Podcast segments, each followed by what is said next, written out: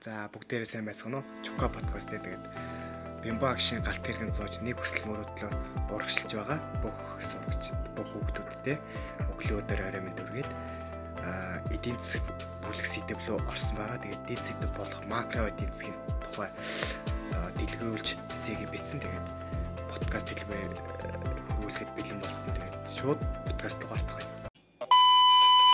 За эдийн засгийн ухааныг дотор нь судал бий зүйлээс нь хамааруулан макро, микро гэж хоёр үндсэн хэсэгт хувааж үздэг. Өрх гэр одоо аж ахуйн нэгж төр хамтдаа нийлж эдийн засгийн тогтолцоог бүрдүүлэх учраас макро, микро эдийн засгийг тус тусдаа одоо бие даасан салангаж шинжлэх ухаан тэр ойлгож болохгүй. Микро эдийн засаг нь эдийн засгийн тогтолцоо бүрдүүлэгч өөрөх гэр аж ахуйн нэгжийн төвшин гэх одоо эдийн засгийн зүй тогтлуудыг судалдаг бол харин макро эдийн засаг нь эдийн засгийн тогтолцооны тэр ерөнхий зүй тогтлуудыг судалдаг. Өөрөөр хэлбэл макро макро эдийн засгийн онол нь эдийн засагт болж буй одоо үзэгдэл үйл явдлууд одоо тэдгээрийн хоорондын холбоог судлан эдийн засгийн ирээдүйн төлөв байдал чиг хандлагыг тодорхойлж байдаг. Иймээс макро эдийн засгийг улс орны эдийн засгийн бүхэл бүтэн цогц байдлаар нь авч үзэн түүний зүй тогтол хитийн төлөвийг судалдаг эдийн засгийн онолын хэсэг мөн гэж тодорхойлж болно.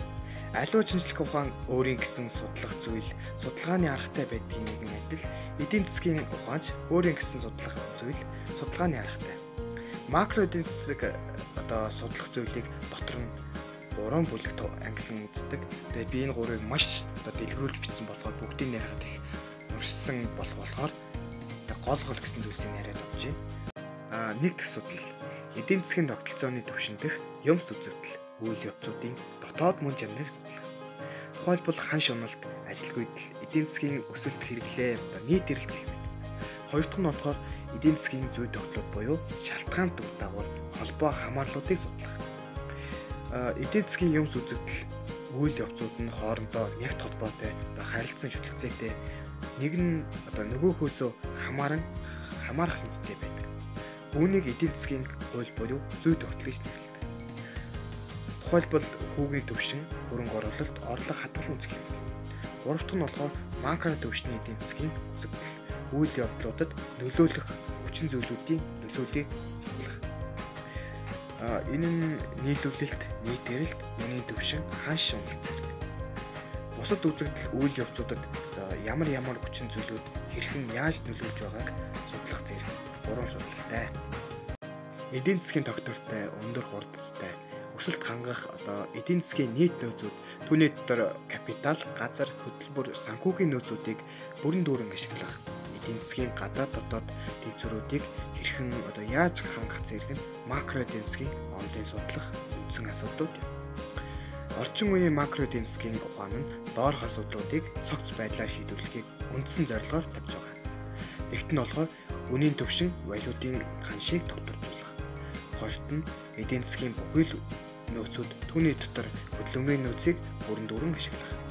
Гуравт нь эдийн засгийн дотоод гадаад тэнцвэрүүдийг Дөрөвт нь болохоор эдийн засгийн өндөр хурдтай өсөлтийг хангах зэрэг юм а.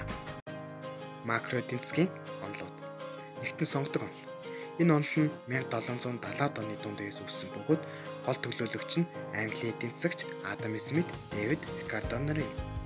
Үндсэн үзэл баримтлал нь эдийн нь үл үзэгдэгч гар буюу зах зээлийн механизм болох банаа бүтээгдэхүүний үн, зах зээлийн хөв, салин зэргээр зохицуулагдана хоёрт нь болохоор Кейсийн хөл. 1930-ад онд Английн нэгт эдийн засагч Дижон Майнерт Кейнс юм. Уг онол нь үн зээлийн хүү цалин зэрэг нь удаан өөрчлөгддөг уян хатан бус шинжтэй тул зах зээлийг бүрэн зохицуулж чадахгүй. Гуравт нь болохоор шин сонгодог онол. Энэ онол нь 70-ад онд үүссэн бөгөөд гол төлөөлөгчд нь Милтон Фредман, Роберт Баро, Роберт Лукас юм. Уг онол нь үн зээлийн хүү цалин зэрэг нь уян хатан шинжтэй идэж эдийн засгийн өөрчлөгдөж буй нөхцөл байдал тэр бүр насан зохицож чаддаггүй.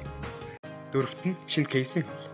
Энэ онол нь 1980-ад онд үүссэн бөгөөд гол төлөөлөгчд нь Георги Кирлот, Григори Менкио, Дэвид Робер юм. Уг онол нь үнийн механизм эдийн засгийн тэнцвэрт байдлыг хангаж зохицуулж чаддаггүй. Харин эдийн засгийн мөчлөгийн шалтгаан болдог.